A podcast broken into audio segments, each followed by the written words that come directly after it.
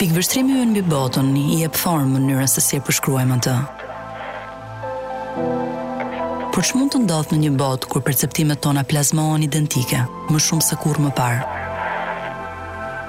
Po sikur bota jonë të jetë duke u shndërruar nga një realitet ngjarjesh dhe ndodhish në një realitet objektesh dhe sendesh të thjeshta. Atëherë, çdo gjë do të ishte fiks ashtu siç duket. Pa mister, pa mister, pa nëntekst, pa mundësinë e një Deus ex machina. Çdo gjë Është ashtu siç duket. Ky është një podcast shndërrimi.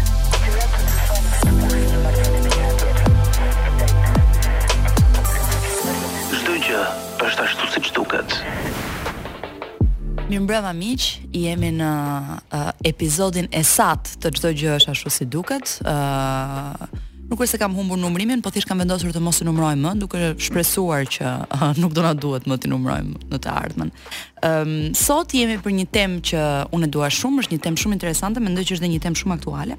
Uh, sidomos për momentin e vitit në të cilin po e trajtojmë, që është pikërisht tema e universiteteve, rankimit të universiteteve e çeljes së mundësive uh, të punësimit um, dhe e një orientimi të mirë dhe të duhur sa i takon për zgjedhjes së karrierës uh, të këtyre gjimnazistëve, po themi që dalin nga bankat e shkollës edhe një pjesë mund të jenë sigurisht të mm, po themi të ndrojtur ose të trembur përpara asaj që i pret, sikurse është pyetja e madhe në kokë gjithmonë, pyetja nëse jam duke bërë zgjedhjen e duhur, nëse kjo është një zgjedhje e zgjuar apo jo, do diskutojmë edhe çfarë do të thotë në thelb zgjedhje e zgjuar uh, për karrierën edhe sa input ka në të vërtetë ajo që konsiderohet talenti ose dëshira hm, për ta zgjedhur një orientim. Ë uh, un sot kam të ftuar në studio Besar Xhaferin, i cili është mik shumë i mirë, po nga ana tjetër është edhe një njeri me të cilin un kam patur fatin të njihem sepse uh, do e them në mënyrë të shumë të sinqertë, uh, më ka ndihmuar edhe mua vetë për të bërë zgjedhjet e mia akademike në jetë dhe kam idenë që deri tani nuk ka dalë shumë keq. Megjithatë Besar do duhet të presim edhe pak për ta parë këtë. Duhet dhe nja 10 vite. Edhe nja 10 vite të tjera. Okej, okay, në rregull. Domethënë, edhe për 10 vite vazhdojmë jemi të pasigurt nëse jo, jo, situata jo. ime ecën apo nuk ecën. Ke kaluar gjysmën e rrugës. Faleminderit shumë për patronizimin ekstrem që më sapo më bëre. Ë, uh, po gjithë atë edhe kjo, edhe kjo është pjesë e është pjesë e Besartit. Unë do ju prezantoj pak me Besartin më para se të të kalojmë në temën tonë të diskutimit, uh, do ju them pak kush është Besarti, që dhe ju ta kuptoni pse është e rëndësishme ta ndiqni këtë emision dhe mbase të merrni um, 2-3 inpute prej tij.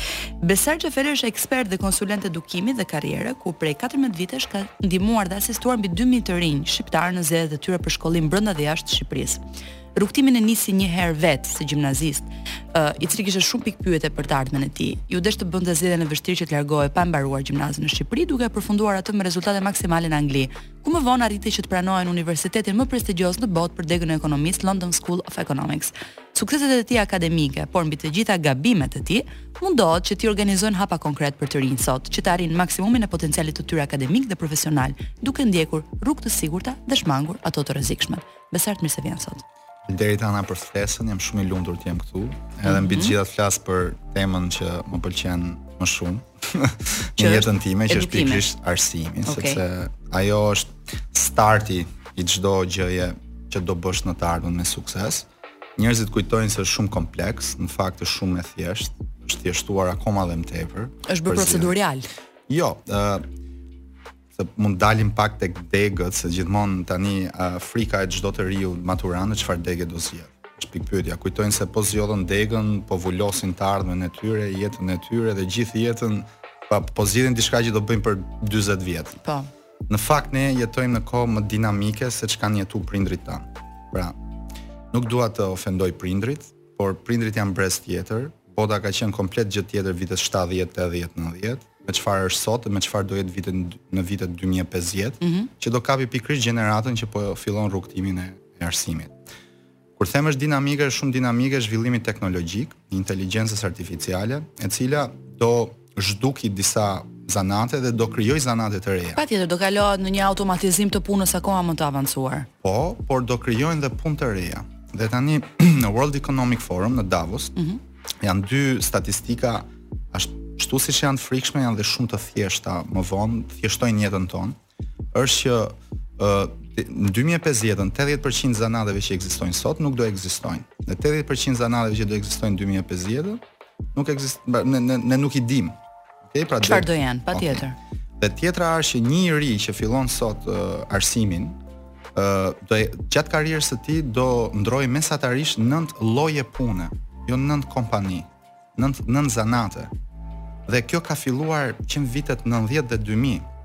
Unë kam veten time, kam mbaruar ekonomi dhe nuk bëj aspak profesionin tim të ekonomistit. Po ashtu dhe ti Ana, ke mbaruar letërsi, publishing dhe sot je gazetare, pra je Pra, dhe, këtu, këtu, në këtë drejtim jam po, gazetari, po. Patjetër, ke, Megjithatë duhet të ke bërë dhe biznes, ke bërë dhe këtë. Pra, njerëzit në fund të ditës do bëjnë zanate të ndryshme gjatë karrierës së tyre. Kjo nuk diskutohet.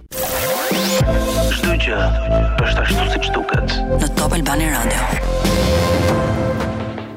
Do të bëj një pyetje tani nga ana tjetër. Ë, uh, dy shembuj që ti dhe Uh, janë dy shembujt pra imi dhe joti që deri në një farë mase mund të konsiderohen deri diku dhe në lëmin e shkencave sociale. Po. Uh, që do të thotë që mbase rrezën e veprimit në tregun e punës mund ta kenë më të madhe. A mund do mund të aplikohet kjo mendësi pra um, e të bërit punë të ndryshme edhe për njerëz të cilët studiojnë në shkenca që janë më të profilizuara. Po, tani, ë uh, Këtu doja të dilja. Universitetet janë dorëzuar që të këshillojnë të rinjtë sot, kur them universitet, universitet më me emër në botë, ë? pra janë dorëzuar që të bindi të rinjtë për t'u specializuar në bachelor. Ato shtyjnë që ti tani të kthehesh një hap mbrapa, pra nga ajo lëvizja të marrim një zanat specializimi, teoria Adam Smithi të bëhemi repetitive dhe më të mirët në një gjë tek pull. Tani po po po po bie poshtë, kështu që Degët më të mira që njerëzit sot po synojnë të studiojnë në Europë dhe në botë janë pikërisht degët klasike. Pra po kthehemi në epokën e enciklopedizmit, domethënë në një farë mënyre. Po. Që është në sensin e po, gjerësisë. Po kthehemi tek degët klasike, sepse duke qenë se do ndrojmë nëntë lloje zanatesh, është shumë e rëndësishme që të rinjtë sot të krijojnë aftësi të transferueshme. Çfarë janë aftësitë e transferueshme? Bota i kategorizon në katër kategori. Kategoria e parë janë aftësitë numerike, që ti je i mirë me numrat. Nuk nuk ka rëndësi, je i shpejt me numrat. Dhe këtë aftësi, më mirë se matematika, një bachelor matematikë s'ta jep asnjë bachelor tjetër. Pas matematikës mund ta japë ajo e fizikës, pas fizikës ta jep çdo lloj inxhinierie, pastaj është ekonomia. Okej? Okay? Dhe dikush që është mirë me numrat mund ta aplikojë në çdo lloj drejtimi. Për shembull, dikush që mbaron bachelor matematike sot mund të punojë, mund të shkojë për kontabilitet në industrinë e kontabilitetit, mund të shkojë në industrinë e IT-së, mund të shkojë në industrinë financiare, mund të bëhet mësues, mund të bëhet shkenca aktuariale, janë këta që llogarisin sigurimet, riskun për për sigurimet, primin, pra ka drejtim ku të doj për ta aplikuar. E njëta gjë dhe fizikanti, e njëta gjë. Tani unë ju jap dy statistika. Microsofti dhe Google-i që kërkojnë zhvillues, 60% punësuarëve i marrin nga bachelori matematikë. Nuk shkojnë nuk i marrin nga computer science, nga shkenca kompjuterike. Pse e bëjnë këtë? Sepse më i mirë, një profesionist më i mirë në industrinë e IT-s, të teknologjisë apo të data science apo të inteligjencës artificiale në të ardhmen, do jenë pikërisht ata që janë matematicien dhe janë shumë të mirë me numrat sepse uh, paqartësia se çfarë do jenë zanatet në të ardhmen i ka bërë që të shkojnë paktën te thelbi. Të kthehen në burim. Te thelbi, thelbi është që kush është i mirë me numrat, Do jetë i mirë me çdo lloj gjëje në teknologji dhe teorinë kompanitë ta mësojnë vetë sot. 6 muaj të marrin, të trajnojnë, të mësojnë ato gjëra që ti mund t'i mësoje 4 vjet në universitet, por mbi të gjitha bazohen tek vlerat e tua numerike. Dhe dhe në kompanitë më të mëdha bankare apo të auditit në botë, Deloitte, Ernst Young, JP Morgan etj etj. Kur aplikon për punë, Ti futesh një herë në një test numerik 20 minuta. Në varësi të atij atij rezultati kualifikohesh më vonë për intervista apo hapet dosja jote, shikohet universiteti që ke mbaruar, numri CV-ja etj etj. Pra kjo iku. Aftësia e parë është aftësia numerike. Aftësia e dytë janë aftësitë verbale, që dalin pikërisht te shkencat sociale. Po. Po mirë se aftë, aftësitë verbale më të mira se letërsia nuk t'i krijon asnjë asnjë degë tjetër. Dhe tani po e ndjej egon time që po përkëdhelet shumë. Jo, okay. po, kur them letërsia do të thotë ti ti je i zoti të luash me fjalët, kuptimin, pa emocionin etj etj. Ë, uh, pastaj mund ta japi juridiku, pastaj mund ta japi psikologjia, sociologjia etj etj. Tani, kush ka mbaruar letërsi në Angli, ka shanset më të larta për t'u bërë avokat. Se ai që ka mbaruar juridik. sepse është pikërisht është arti i fjalëve, është sa i shpejtë je me fjalët, si i proceson, si si si argumenton, si i përmbledh etj etj. Por po them dhe një degë që njerëzit sot e preferojnë është psikologjia. Unë nuk mendoj se mund të ketë një sales and marketing uh, director apo një drejtor shitjesh dhe marketingu më të zotë se një psikolog. që kupton një ngjyrë, një fjalë, një shprehje, një moto, çfarë impakti do ketë te konsumatori. Po ashtu nuk mendoj pra se Pra ka gradë të lartë parashikueshmërie, po, se si zgjedhjet po. e tjera të tij do po, impaktojnë. Po, po, po, nuk mendoj se mund të ketë një drejtor resursesh njerëzore më të zotë se një psikolog që njeh ndjenjat e e, e punonjësit, ndjenjat e, e edhe të punëdhënësit. Pra, është pozicioni në operational behavior, pra Sot korporatat më të mëdha në botë po hapin pozicione që quhen Chief Happiness Officer. Pra, je oficer ekzekutivi i lumturisë së stafit, se një staf më i lumtur të prodhon më tepër. Duket si emërtesë e dalë nga në ndonjë libër i Orwellit, domethënë. Po, ke The Ministry of Happiness. Ke Google-in, ke Google-in që e bën ambientin. Unë shoh dhe ambientet tuaja, pikërisht përcjellin lumturi tek stafi për për të qenë më happy, me ardh në punë, më të motivuar etj etj. Po e njëjta gjë është për headhunting, pra pastaj ti mund të bëhesh dhe psikiatër, mund të bëhesh edhe terapist, mund të bëhesh edhe psikolog etj etj. Pra, kur mbaron një bachelor, nuk do të thotë se do ngelësh në vetëm një zanat, do ndërrosh në multidisiplina siç do vijë koha. Aftësia e tretë Janë aftësitë spaciale, që këto ta jep arkitektura dhe arti. Pra, je çik mendon jashtë kutisë, i sheh gjërat më ndryshe, abstrakte etj. Tani, nuk do të nuk do të thotë se duhet të kemi të treja këto. Mjafton të kemi një nga këto të treja, një nga këto të treja, plus dhe një aftësi tjetër që është e katërt e lash për fund. Kjo më duket sikur kjo është kap është lepur nga kapela. Që është mëso si të mësosh. Pra, jo çfarë të mësosh. Në Shqipëri deri më sot gjimnazet i trajtojnë gjimnazistët në mënyrë tutoriale, që mëso çfarë të mësosh, çfarë shkruan mësuesi në tabelë do bjerë në provim, mësoje përmendsh siç e kam thënë unë, si e dua unë, si e ka libri pa të marrësh notën 10.0. Tani Teknika do jetë që ata gjatë jetës duhet të mësojnë si të mësojnë vetë, pra do mësojnë teknikën e mësimmarrjes autodidakte, sepse kur shkojnë në fakultet do kenë veç leksione dhe vrit veten, hap librat. Po dhe përtej fakultetit, mësimi është diçka që vazhdon gjithë jetën. Dhe, eh, dhe kur shkon në punë, që këtë e harrojnë shumë njerëz. Punëdhënësi që mund të jetë o një kompani ose klienti, se ti mund të kesh biznesin tat, ti thua un jam vetëpunësuar, po në fakt punëdhënësi jot është klienti. Patjetër. do të thotë dua këtë rezultat, këtë produkt në këtë datë. Se si e zgjidh ti puna jote.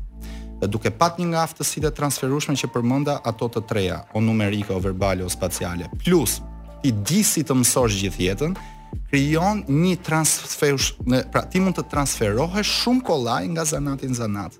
Dhe pikërisht ata që kanë ditur të transferojnë të parët, kanë bërë sukses. Pra ne mund të themi shtypi i shkruar. Deri gati ka vdekur shtypi i shkruar. Por shtypi online ka krijuar dhe më tepër punë. Ka krijuar për graphic designers, e ka dhe ajo problemet e saj, fake news etj etj, por në fakt ka krijuar më tepër një industri dhe më të madhe se shtypi i shkruar. Patjetër, meqë jemi ke fjalët, më lër të them një nga lojërat e mia të preferuara është pikërisht të zbërthej etimologjinë e fjalëve. Ëm um, dhe uh, fjala krizë vjen nga greqishtja antike dhe në fakt, në fakt ajo do të thotë mundësi në kuptimin e saj të parë. Ëm um, rrënja e fjalëve dëshmon realisht shumë për mënyrën se si njerëzit e kanë konceptuar botën, e cila shpesh nuk është shumë ndryshe dhe nga mënyra se si e konceptojmë ne sot botën. Kështu që duket sikur i gjithë diskursi shumë i bukur që ti mbajte në thelb dëshmon këtë gjë që uh, mbyllja e disa profesioneve dhe disa degëve vërtet mund të jetë dramë për disa njerëz, por në thelb është krijimi i një mundësie të re, sepse do hapi më shumë punë. Teknologjia deri më sot vetëm ka treguar se e ka rritur punësimin, jo e ka ulur. Puna është që a janë njerëzit gati për të përqafuar ndryshimet. Po sikur bota jonë të jetë duke u shndërruar nga një realitet ngjarjesh dhe ndodhish në një realitet objektesh dhe sendesh të thjeshta. Atëherë, çdo gjë do të ishte fiks ashtu siç duket. Çdo gjë është ashtu siç duket. Në Top Albania Radio. Ëm, një adoleshent sigurisht nuk e di këtë gjë në momentin ose më saktë gjithë këtë arsyetim nuk e bën. Në momentin që duhet të bëjë një zgjedhje, ai bazohet në disa faktorë bazë, të cilët janë e para çfarë i thon prindrit. Pikërisht, prandaj e thashë që në fillim. Të cilët shpesh kanë tendencën që të mos jenë gjithmonë shumë të azhurnuar. Unë jam, uh, unë jam rasti eksakt që kanë gabuar duke më shtyrë tek dega e ekonomisë. Pra, unë vetë personalisht do të kisha studiuar matematikë. Por kur doja të studija matematik, edhe unë mendoj që duhet të kisha studiuar veterinari, po, po kjo jo, është një tjetër. Jo, shiko, familjen time un kam babain, tre xhaxhallarë, halla dhe tezja që kanë mbaruar matematik. Dhe më thanë, "A je i çmendur, mësues matematike do të bëhesh?" Pra ishin mm. zero të informuar për. Siç më thanë dhe mua, mësuese zyshë letërsie do të bëhesh. Pra ishin zero të informuar për oportunitetet që t'i jep matematika në industri. Nëse ti bëhesh mësues matematike me zor, do të thotë që ka dështuar sistemi ekonomik i vendit, jo dega jote. Se në komunizëm të emëronin, thonin do bëhesh mësues e mbaroi historia. Megjithatë, unë dua të them dhe një gjë, mbase kjo është e shkëputur nga biseda që ne po bëjmë, por më bie tamam në po. pikë dhe dua ta theksoj këtë gjë. Ne nuk e përdorëm mësues matematike në terma pejorativ. Kjo është e rëndësishme po, po. që të ndahet, sepse sepse me sa di unë të paktën nga ë uh, ime motër dhe im vlla, të cilët kanë një perkurs akademik shumë të vështirë, ë uh, mësuesit e matematikës në fakt në Shqipëri mbase në nivel pra rroge zyrtare, mbase mund të mos paguhen shumë, por do thoja që në nivel kursesh private, uh, ata arrijnë të barazojnë një rrogë vërtet shumë të lartë, pra janë on demand tani në momentin tani, në Shqipëri. Tani mësuesit e matematikës janë skarcitet në gjithë botën. Pikërisht sepse industritë më më të mira që, marrin, që është financa i marrin pik, mm -hmm. nga kjo dhe nga fizika dhe nga shkencat eksakte. Por uh, duke qenë që janë skarcitet, sot janë më të paguar. Pra, një mësues matematike kudo në botë do ketë rrogën më të lartë relativisht me zanatet e mësuesisë të tjera, dhe të njëjtën kohë ka një treg të lirë, ka një treg të hapur, jo vetëm me kurse brenda vendit, por edhe me kurse jashtë vendit online. Po, që është një një një perkurs që ti e ke ndjekur, ë po. uh, edhe në biznesin tënd po, të fundit. Po. Jam shumë kurioze të të flasim pikërisht për këtë gjë. Domethënë një mësues matematike i cili operon në Shqipëri dhe jep kurse online për njerëz të tjerë në të gjithë botën. Po, pra, nëse është një djalë i ri, i apasionuar pas matematikës, që di dhe të flasë anglisht, mundësitë e tij janë të pafundme, sepse uh, Azia ka nevojë për kurse online, Amerika, Anglia etj. etj. Çfarë do thotë? Një mësues shqiptar i jep në anglisht programin e klasës së 10 angleze, një kinezi, një anglezi, një amerikani. Dhe është shumë e thjeshtë, mbi të gjitha te shkencat ekzakte sepse ato janë universale. Do ishin pak më të vështira te shkencat sociale sepse kanë të bëjnë çik me kulturën, bagazhin e, kulturor që vetë gjuha bart patjetër. Ndërkohë te shkencat ekzakte është shumë kollaj. Unë mund të jap ca shifra që i kemi bërë research dhe më çmendën kur i pashë. Na çmendën atë. Është që uh, kurset tek e tek, pra do të thotë kurse tutoriale, jo edukimi online në përgjithësi, edukimi online, industria e edukimit online është dhe më i madh, po veç për kurse tutoriale është diku te 10 miliard euro në vit. 10 miliard euro në vit ka kurse online tutoriale. Që do të thotë, kushdo që ka nevojë për një konsultë, për një temë, për një gjë, futet në platforma të ndryshme dhe aty gjen mësues. Dhe unë këtë dua tani të replikoj, të krijoj platformën e parë shqiptare që do sjelli si kërkesë dhe eksport për mësuesit, si të matematikës, si të fizikës, si të biologjisë, si të kimisë, për mësuesit më të mirë, se në fund të ditës dua të dal pak tek do dalim tek mesatarja 6.5 për mësuesi. Po. Ne duhet ta bëjmë mësuesin zanatin më të kërkuar dhe nga ana financiare. Pra ne ne nëse duam të kemi menjëherë impakt që të vijnë njerëz sa më të zotë mësuesi, në radhë të parë duhet të rrisim mundësitë e tyre për të patur të mira financiare. Dhe atë duhet ta bëjë dhe privati që më takon dhe mua, por duhet ta bëjë patjetër dhe shteti, sepse është shumë kollaj që një inxhinier që nuk është shumë i lumtur me karrierën e tij të bëjë një master profesional mësuesie dhe të vijë të japi fizikë. sesa të pres unë të mbaroj 3 4 5 vjet dikush shkollën për mësuesi. Po pra ti thua të aplikosh edhe për kursin invers. Po patjetër, pa sepse për shembull në Angli ti mund të kesh mbaruar çdo lloj uh, bachelori, pra siç ke mbaruar letërsi a juridik, mjafton të bësh një program që quhet PGCE, Postgraduate Certificate of Education, që është si tip si master profesional i po. mësuesisë, dhe menjëherë ke licencën për të dhënë mësim gjimnaz, a në fillore, atë shumë si ka, por them përpara universitarin. Kështu që është shumë e thjeshtë. Kështu që nuk kanë pse të zhvillohen në dy drejtime të ndryshme, po themi që në po, pikëstar, që në po. pikënisje pra, të pra, do të thotë që ne nuk duhet të dekurajohemi se si çdo çdo qeveri në Shqipëri dekurajohet të bëjë reforma në arsim sepse të mirat i sheh pas 10 vitesh. Ka edhe reforma shumë të shpejta. Dhe doja të përmendja që është një kërkesë shumë e madhe që po vjen për këtë zanat, Dhe mbi të gjitha, ëndrra ime është që dhe të krijoj kërkesë për mësuesit e gjuhë-letërsisë, sepse ne kemi një diasporë prej pesë-gjashtë milionë vetash, duke përfshirë këtu dhe nga Republika e Shqipërisë, e Kosovës, e Maqedonisë, shqipfolës, që jetojnë gjithë botën dhe ankesa e tyre kryesore është nuk kemi ku fëmijët tanë mësojnë shqip. Atëherë edukimi online mund ta zgjidhë këtë gjë. nuk du të bëj reklam, por po kam hap një platformë që Virtus Abetare, që të fillojmë dhe të mësojmë gjuhën shqipe çdo fëmije në Suedi, në Kanada etj etj, me mësues të gjuhës shqipe. Po kjo krijon një një ndërlidhje shumë të bukur në në treg për mësues për mësu, për mësuesin e gjuhës shqipe, që deri më sot e vetmja kërkesë treg privat është provimi i lirimit, provimi i maturës. Tani kjo ngre një një problem tjetër që mbase pikërisht po themi ë um, është pikërisht mungesa e bashkëveprimit të shtetit me privatin dhe me mundësitë e panumërta që ka hapur zhvillimi teknologjik. Ai që edhe e pengon, ë, të të bëjë këto reforma arsimore, të cilat mund të sjellin shumë më të mira.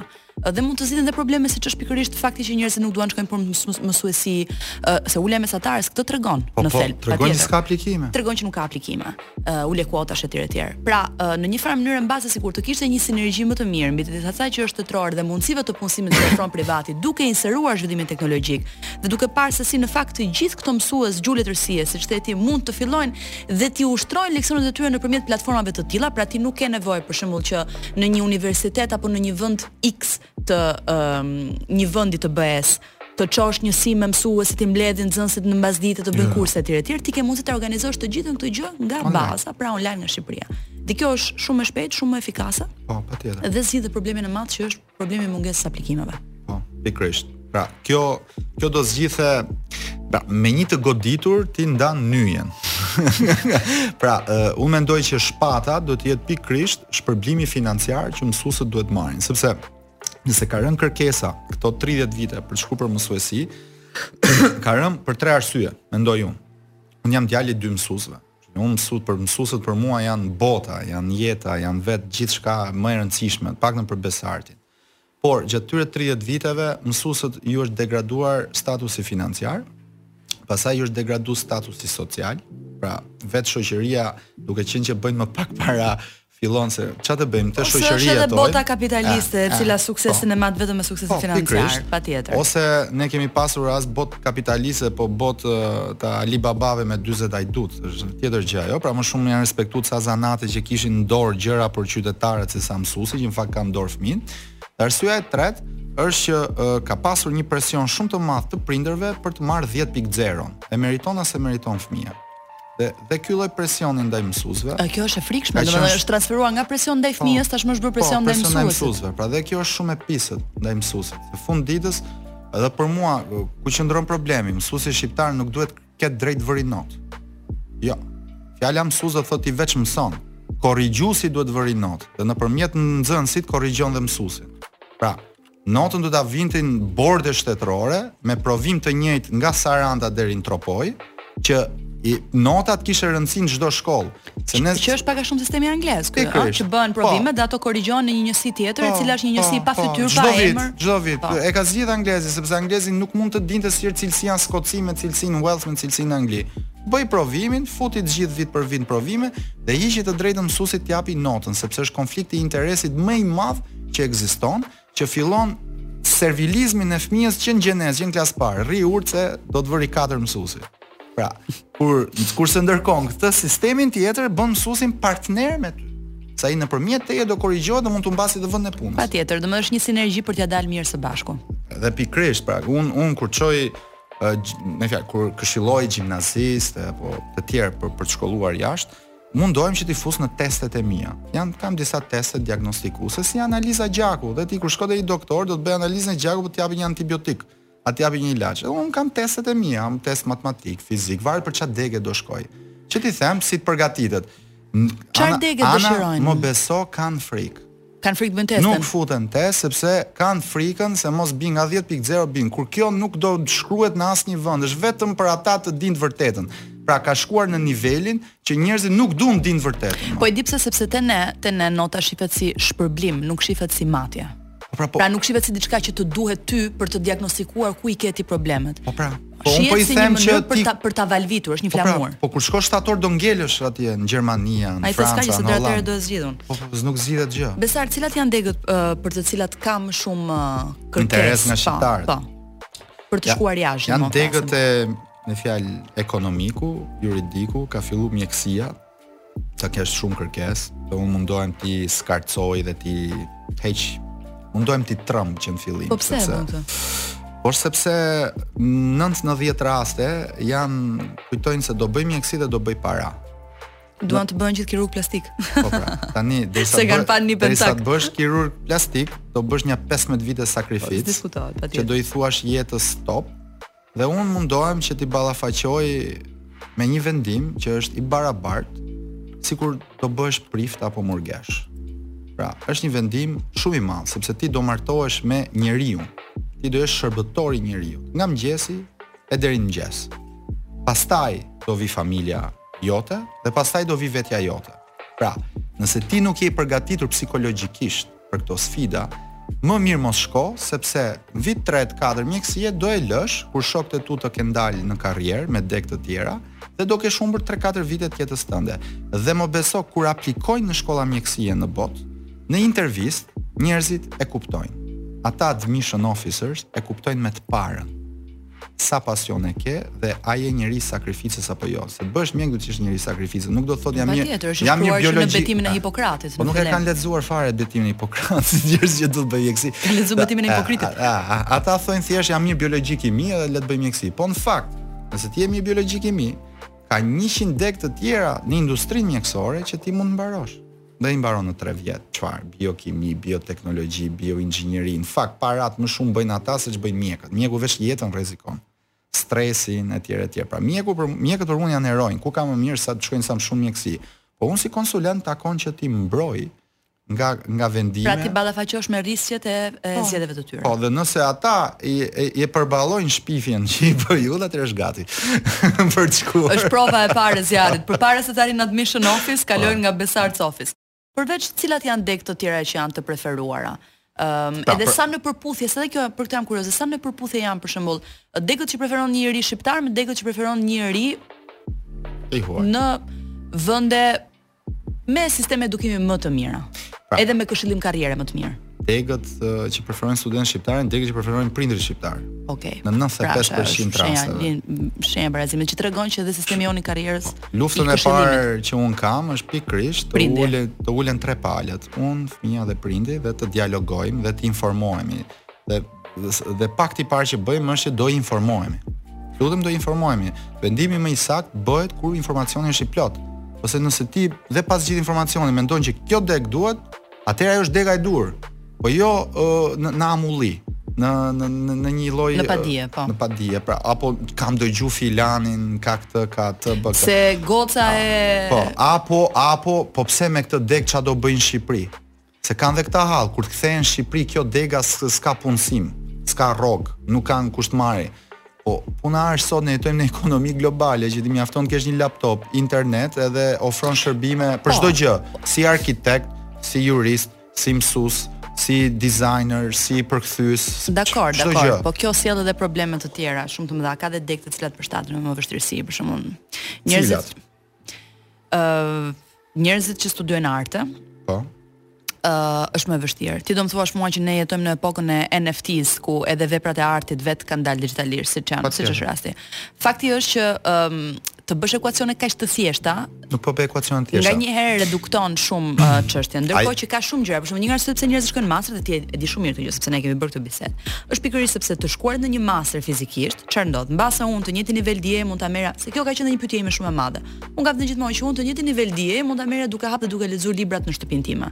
Kështu që në fund të ditës, sa vlerë ka kjo diplomë? Por fakti është që një nga arsyet pse njerëzit e frekuentojnë masterin fizikisht, për shembull në Angli, është pikërisht për mundësitë që ajo të jep për të njohur me njerëzit që më pastaj do janë pa, po, që do janë kolegët e tu në vende të ndryshme të botës, për të të hapur dyert për internshipe specifike etj etj. Pra ky sistem në një farë mënyre vazhdon mbahet në këmbë. Në Angli pikërisht me komunikimin njerëzor. Në Angli jo dhe aq, sepse kushdo që mbaron bachelor në Angli punon ja 5 deri në 10 vjet pa bën master, pikërisht nga filozofia që duan të shohin ku po i hedh jeta, në çfarë industrie.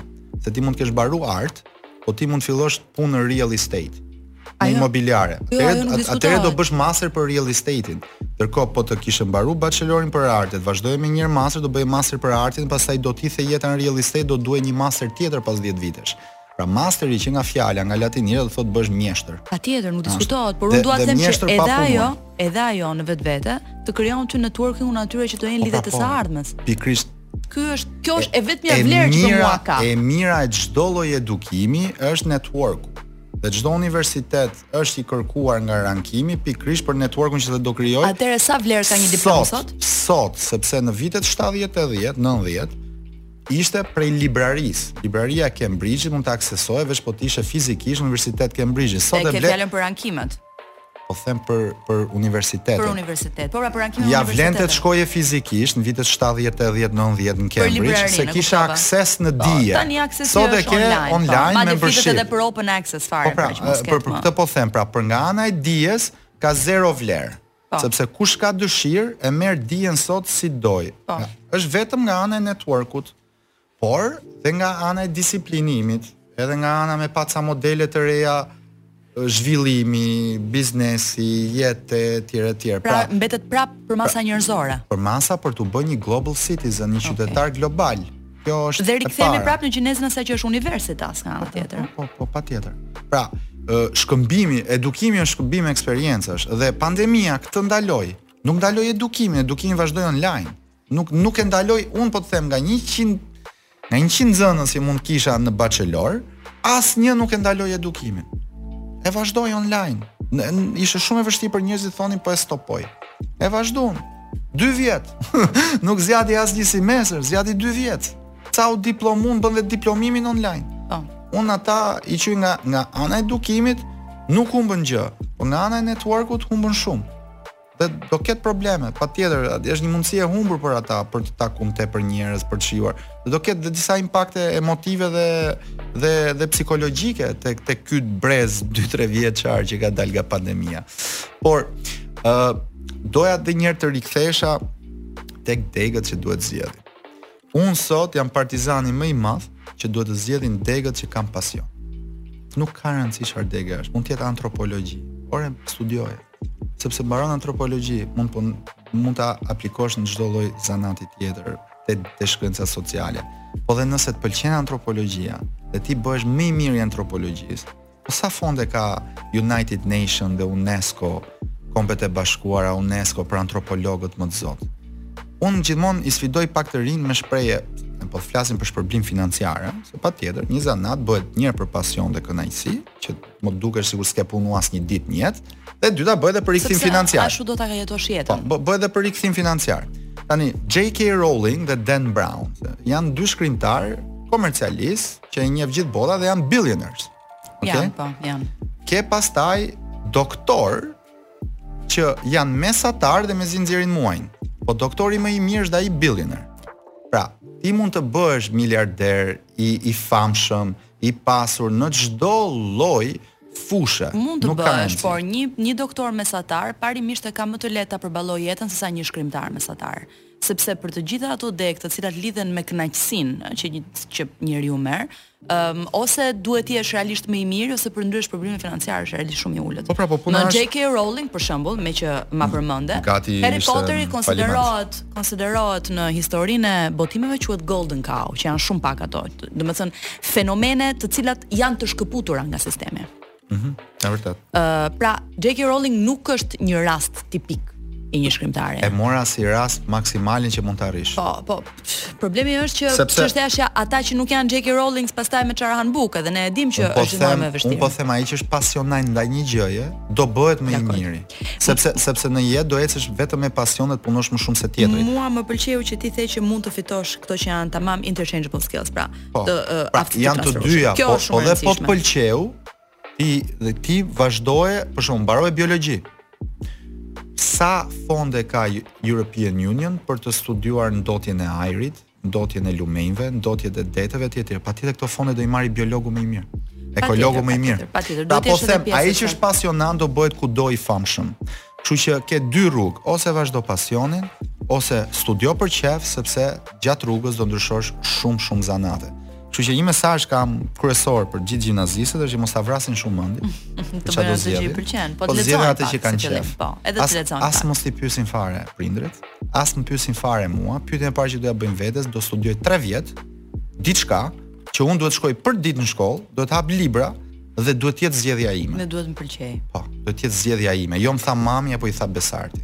Se pastaj do jetë si diçka që bën në jetë, mezi bëhet, bëhet me zor. Po diçka që do bëhet 3 deri në 5 vjet, vallahi më shumë shanse ke të dështosh se sa ta mbarosh. Ose edhe po e mbarove s'ke marrë asgjë. që ka ndodhur.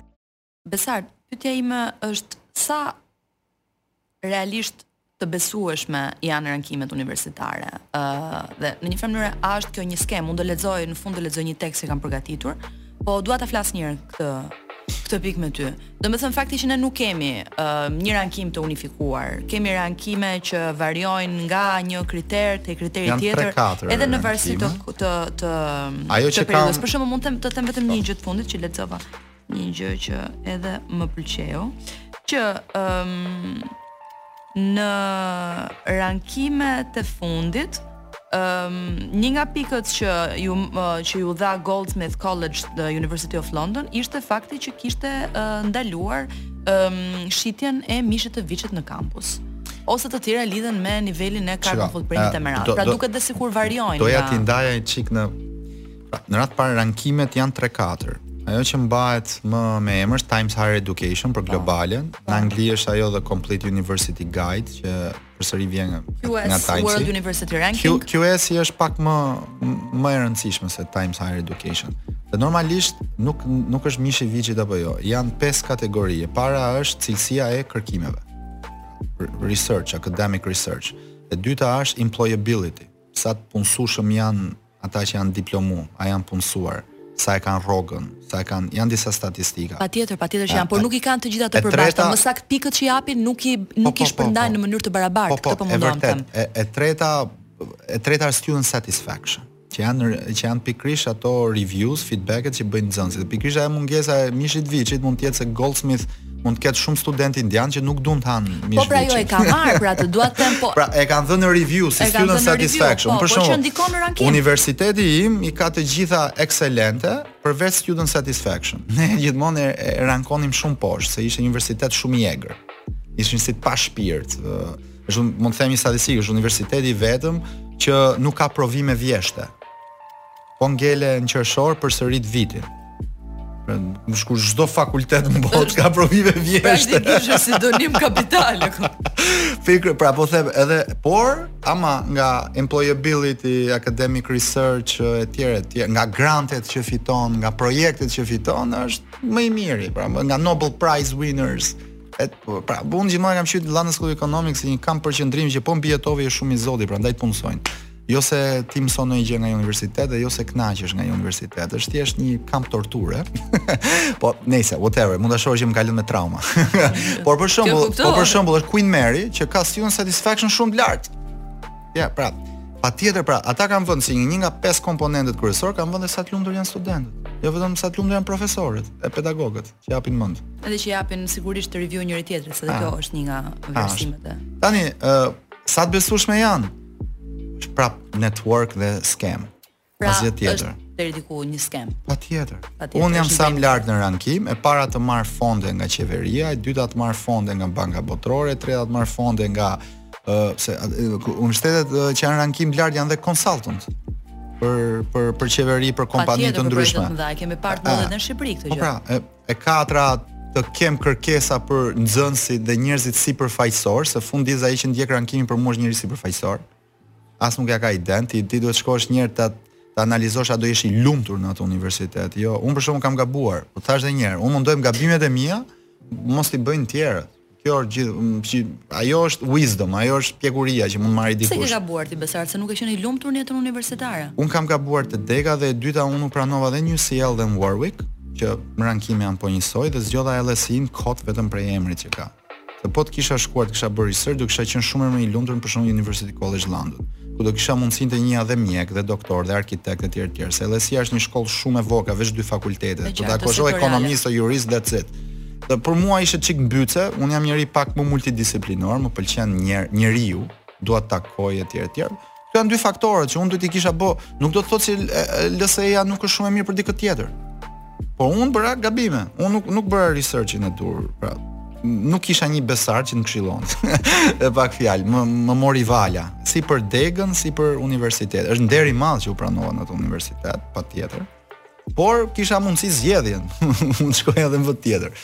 Ëndrra ime patjetër do ishte Universiteti i Cambridge-it, po aty u refuzova dhe shkova në LSE. Të gjithë kemi një histori refuzimi ne, edhe unë kam një histori refuzimi. Unë kam 10 copë. Diçka tjetër që unë dua ta them dhe në fillim nuk e dija dhe është realisht është e rëndësishme që të gjithë ju gjimnazistë, po dhe prindërit ta kuptojnë këtë gjë, është që ë uh, Nganjëherë, mospranimi, pra refuzimi nga një universitet, nuk do të thotë që fëmija nuk është i mirë sa duhet për të marrë pjesë aty. Do të thotë që thjesht nuk është aplikuar në mënyrën e duhur. S'është akoma gati. Sepse dhe aplikimi në vetvete është art dhe unë këtë gjë e kuptova sa i takonte udhëzimeve për t'u përgatitur për shkrimin e esesë. Uh, që është ose ndryshe cover letter apo letra e motivimit e tjera e tjera. Pra, janë disa gjëra të cilat shpesh po e ndjekin një algoritëm specifik. dhe janë disa check boxe që duhen bërë. Pra kjo shpesh nuk varet me aftësinë e fëmijës. Jo, kjo varet thjesht nga mungesa e njohurisë se si duhet të aplikosh. Pra, nëse siç në fillim me ty folëm që duhet mësuar se si të mësojmë, nga ana tjetër për universitetet duhet mësuar dhe se si të aplikojmë. Po, po këtë duhet ta bëjnë shkollat nuk e bë dot një 17 vjeçar, 18 vjeçar. Duhet duhet të ketë patjetër çdo shkollë, çdo gjimnaz publik, privat, duhet të ketë zyrën e karrierës në nivel. Dhe këtu dua të dal edhe te pika që është nga pikat tona të fundit dhe më më të rëndësishme, që është imediate, ë, ngritja e një sistemi që është sistemi i karrierave. Po, unë unë për vete kam qenë gjithmonë i hapur dhe ndaj institucioneve publike që t'i ndihmoj ta krijojnë këtë rrjet. Po duhet të ketë duhet të ketë dëshirë. Ne në një tryezë të arsimit që isha, unë përmenda që arsimi në Shqipëri mund të përkufizohet në dy fjalë. Është burokraci dhe hipokrizi. Pra, për nga letrat jemi si me qenë Suedi, për nga letrat. I kemi të tëra në letra. Çdo gjë ekziston në letër. Aplikim është hipokrizi totale. Që kur një fëmijë bën mësim 4-5 orë në ditë, ai duhet të bëjë 8 orë në ditë mësim, aq sa punon prindi duhet të jetë fëmija në shkollë. Jo 3 orë, 4 orë, 5 orë, se përndryshe çfarë do bëjë ai pastaj? Ai o do lëri prindin pa punë që të rri të kujdeset për minorin, minorenin, se janë të gjithë minoren. Edhe ai që është 17 vjeç është minoren ose do rri rrugëve. Okej? Pra, ne atë tetë orësh mund t'ua mbushim këtyre kalamajve përveç mësimdhënies edhe me këshillim karriere. edhe me zhvillim kulturor dhe me punë vullnetare, po duhet institucioni të merret me këtë gjë, jo jo prindi. Dhe ne ja kemi kalu komplet barrën prindërit që t'ia plotësojë këtë gjë fëmijës. Për mua shumë mirë, në treg privat, më rrit punën, por nuk është kjo zgjidhja. Patjetër. Aspak. Uh... Dhe ajo cover letter, personal statement, motivation letter, 700 emërtime ka, Është si të thush të fusësh jetën tënde plus ëndrrat e të ardhmes tate në vetëm 600 fjalë. Edhe në një në një ekuacion, sepse ato duhet të ndjekin një rend. Dhe dhe dhe admission officer që me harxhon mesatarisht 40 sekonda në një letër. Që do të thotë mund të harxhojë o 10 sekonda që e hedh në kosh ose 2 minuta. Dhe pasi e lexo 2 minuta mund të hapi dosjen tate. është kaq e rëndësishme. Dhe duhet të jetë e qëndisur dhe për të qëndis duhet nisë 2 vjet para. Se duhet të është është si një skulpturë, do hedhësh llaçin, baltën, e pastaj do fillosh ta ta ta skalisësh. E njëjta gjë është edhe me këtë, është një skulpturë jote, është ajo që ti do shitesh. Dhe uh, unë këtë e përkufizoj në krijimin e Ideal Student Profile, profilit ideal studentit, që e kam balancu në 60% arritje akademike, 20% aftësi njerëzore, që janë soft skills, dhjetë për qind talente, dhjetë për qind aktivitete ekstrakurrikulare. Ti me këtë strategji duhet të fillosh që katërmbëdhjetë vjeç për për për për ta formuar, për ta krijuar. Pra ti thua që ne duhet të nisim që në moshë më të vogël të përgatitemi për ditën kur do të aplikojmë në universitet. Idealja është sa më herët të jetë e mundshme. Ne zgjidhje u kemi dhënë dhe atyre që na vijnë një muaj para. Po dhe ne kemi limite te çfarë do shesim. Sepse është shitje, është marketim, ti po aplikon në Harvard, në Cambridge, në LSE, te teknikumi i Mynihut, e tjerë e tjerë ka 30 aplikime për një vend. Të 30 janë njësoj si ty. Se nuk aplikojnë studentët mesatarë në këto, e din që s'pranohen, po të 30 që aplikojnë këto kanë pritshmëri të pranohen.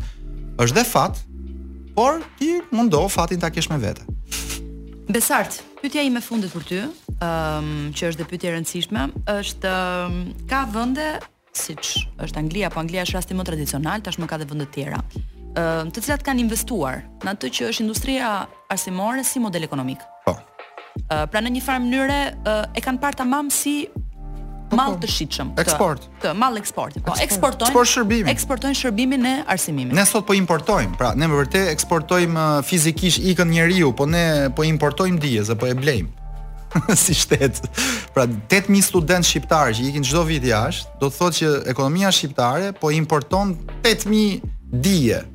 që po ta shumëzosh me ë uh, 20 vite që kanë filluar të shkojnë, mund të jenë 160.000, 200.000 dije. Dhe sa janë kthyer nga këta është pyetje tjetër pastaj, ça impakti kanë pas në ekonomi etj etj.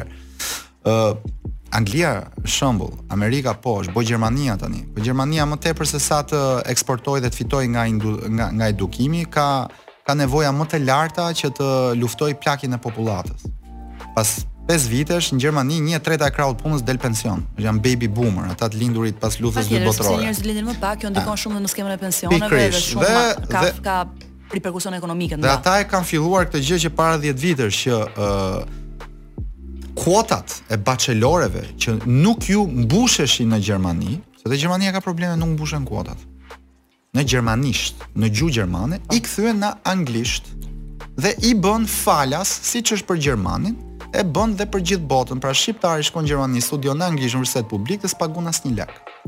Pse e bënë? E bënë sepse iu duhet krahu i punës që këta që mbarojnë të punojnë në Gjermani. Anglia pastaj ka model edhe eksport fitoi nga nga ajo. Tani, Një vend tjetër që është shumë interesant. Edhe unë doja në fakt ta preknim këtu. që ka super sukses, mm -hmm. është Qipro e Veriut. Pra, një shtet de facto i pavarur prej vitit 67 me luftë me Republikën e Qipros ose Qipron e Jugut, që njihet vetëm nga Republika e Turqisë në mënyrë diplomatike, nuk është në OKB, ka fluturim vetëm me Turqinë, ka ambasadë vetëm në Turqi, ka 700 halle. Është një unikorn. Po. Ka ka ka 700 probleme. Numëron 70.000 studentë nga 114 vende të botës. Dhe totali dhe total vendi është vetëm 350.000 banorë. Tani, çdo ekonomist e llogarit dot se çfarë sjell një student i huaj, sjell minimalisht 10 deri në 15000 euro në ekonominë. eksport. Pse? Do paguajë qeranë, do hajë, do pijë, do fluturojë, do dali, mund t'i vijë një prind të blejë real estate, të blejë shpi, mund të ngelet krah pune në atë vend nëse i pëlqen se mos harrojmë Tirana është më mirë se Mumbai, më mirë se Lahore, më mirë se Manila, më mirë se shumë vende. Më mirë se sa pra, shumë vende. Pra, ashtu. Pra, dhe unë këtu jam në një debat të hapur me ë prej 3 vitesh me le të themi mendësinë dhe mentalitetin shqiptar që s'dun të huajt në Shqipëri, sepse ëndrra ime është që ta bëj Shqipërinë një hub, një international hub, një eksportuese e edukimit. Më kanë sfiduar shumë herë kush do japi mësim. Po mirë, ma këta 200.000 shqiptarë që janë shkollu jashtë, 10.000 mund të jenë kthyer, po pse mos të kthehen dhe të tjerët kur kanë të garantuar dhe një rrogë më tepër? Po sepse mbase bes aq njerëzit nuk kthehen vetëm për arsye. Domethënë njerëzit nuk punojnë vetëm për arsye. Domethënë për për okay, po shiko. Njerëzit mbase duan edhe të thjesht bëjnë profesione të tjera që mund të paguhen më pak, ose të jetojnë në një vend pavarësisht se paguhen më pak. Pra futa koeficientin. Po ty për këtë eksport të duhen vetëm 1000 pedagogë ose 1000 mësues seminaresh. Sepse këtij të huajit lëndën mund ta ketë profesori shqiptar që mund mos di anglisht, por seminarin mund ta jap dhe unë që kam mbaruar veç bachelor. apo master apo whatever dhe jap shumë mirë në anglisht. Dhe si unë ka 1000 veta që janë kthyer në Shqipëri. Ti vet mund të japësh një se një lëndë që është për publishing apo do të jetë për literature. Pra krijon punësim dhe plani është që jo vetëm të vinë në Tiranë. Tirana ka kërkesë, rritet vit për vit popullata, rrit rriten dhe ndërtimet. Megjithatë kuotat e universitetit kanë pra, rënë, dhe kuotat e pra, universitetit të Tiranës. Ne nga 36000 kuota që kemi në gjithë Shqipërinë, edhe me universitetet rajonale, me universitetet private, 22000 mbushen. Pra do të thotë ne djegim 14000 kuota, po në mënyrë vrastare digjen shumë kuotat në në në rrethe. Patjetër që janë dhe në rrezik mbyllje, jo? Po pra, dhe unë pikërisht të them si ka mundësi Universiteti i Korçës, Mos të lulëzojë me studentë huaj, nëse ne fusim një vizion për ta mbushur me studentë të huaj kuotat që digjen në Korçë, t'i kthejmë në anglisht dhe të vinë studentë të huaj nga gjithë bota, Amerika Latine, Afrika e Veriut, Lindja e Mesme, Azia Juglindore dhe t'i mbushim është Korça qytet më i bukur se Blagoevgradi në Bullgari. E ke parasysh Blagoevgradin ku është American University of Bulgaria? Ka 41 nationalities. Një nga ato janë shqiptarë që shkojnë studiojnë atje. Dhe një blag, Korça është më e bukur se Blagoevgradi. Këtë ta jap me 1000 firma. Korça është qytet shumë i bukur në përgjithësi dhe pa e krahasuar Por, me qytetet tjera. Qytet i bukur është dhe Gjirokastra. Është UNESCO. Është 30 minuta nga deti, 30 minuta nga Greqia. Qytet i bukur është dhe Saranda, që mund të jetë një si Nica. Nica në verë është plot me turistë, gjatë dimrit mbushet me studentë. Pra, modeli ekonomik arsimi mund të jetë një kontribues shumë i madh, jo vetëm për të sjellë fitime, por edhe për të kuruar plagë sociale, për të ringjallur qytete që po duken që po shpopullohen, që po vdesin dhe mbi të gjitha për të rregulluar dhe krah pune. Megjithatë dhe për të krijuar atë që është sinergjia kulturore dhe të nxjerrë pikërisht qytetarë të botës. Unë dua të lexoj vetëm uh, dy paragrafe shumë të shkurtra. Ëm ehm, uh, mbi çfarë është universiteti? Ëm uh, mbasi mbarojmë me të gjithë rankimet dhe mbarojmë me të gjitha dhe mbyllim me të gjitha uh, retribucionet financiare. Parë në një këndvështrim më të gjerë, a mund ta marrim parasysh përmasën shpirtërore të arsimit të lartë, pra që është ajo pikërisht të krijuarit qytetarin? Moto e Universitetit të Oksfordit, për shembull, ka qenë përherë në dyqind vitet e fundit, Dominus illuminatio mea, pra Zoti është drita ime. Kjo martesë e së shenjtes dhe shkencores është vëzhguar që nga themelimi i Universitetit të Al Karawin në Marok në vitin 859 pas Krishtit.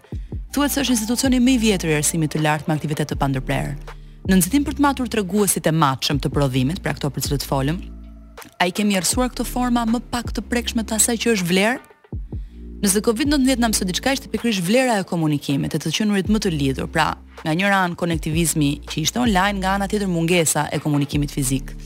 Në vend që t'i jepej dhe më shumë ndikim ekspertëve të PR-it, në agim të kalimit mësimdhënies online apo në modalitet miks, nisëm të mendonim për universitetet dhe frekuentimin e tyre fizik si një vend për shkëmbimin e ideve, mësimdhënies dhe kërkimit, po mbi të gjitha plazmimit dhe formimit të qytetarit. Ndoshta duhet të kthehemi tek shtëpia e urtësisë, e themeluar në Bagdad në vitin 786, ku studiuesit mblidheshin çdo ditë për të përkthyer, diskutuar dhe shkruar në shumë gjuhë, arabisht, farsi, hebraisht, aramanisht, siranisht, greqisht dhe latinisht, Fund e fundit dhe vepra e Aristotelit u përkthye aty nga greqishtja, apo kështu, dhe ajo e mjekut Hipokratit. Ëm, um, unë besoj të falenderoj shumë që ishe sot me ne. Unë falenderoj Inesh. Mendoj që bëmë një diskutim shumë të gjerë, po, po, nga ana tjetër shumë të rëndësishëm. Kështu që bashkë do të dëgjohemi të enjten që vjen, edhe faleminderit për të gjithë që na ndoqët sot.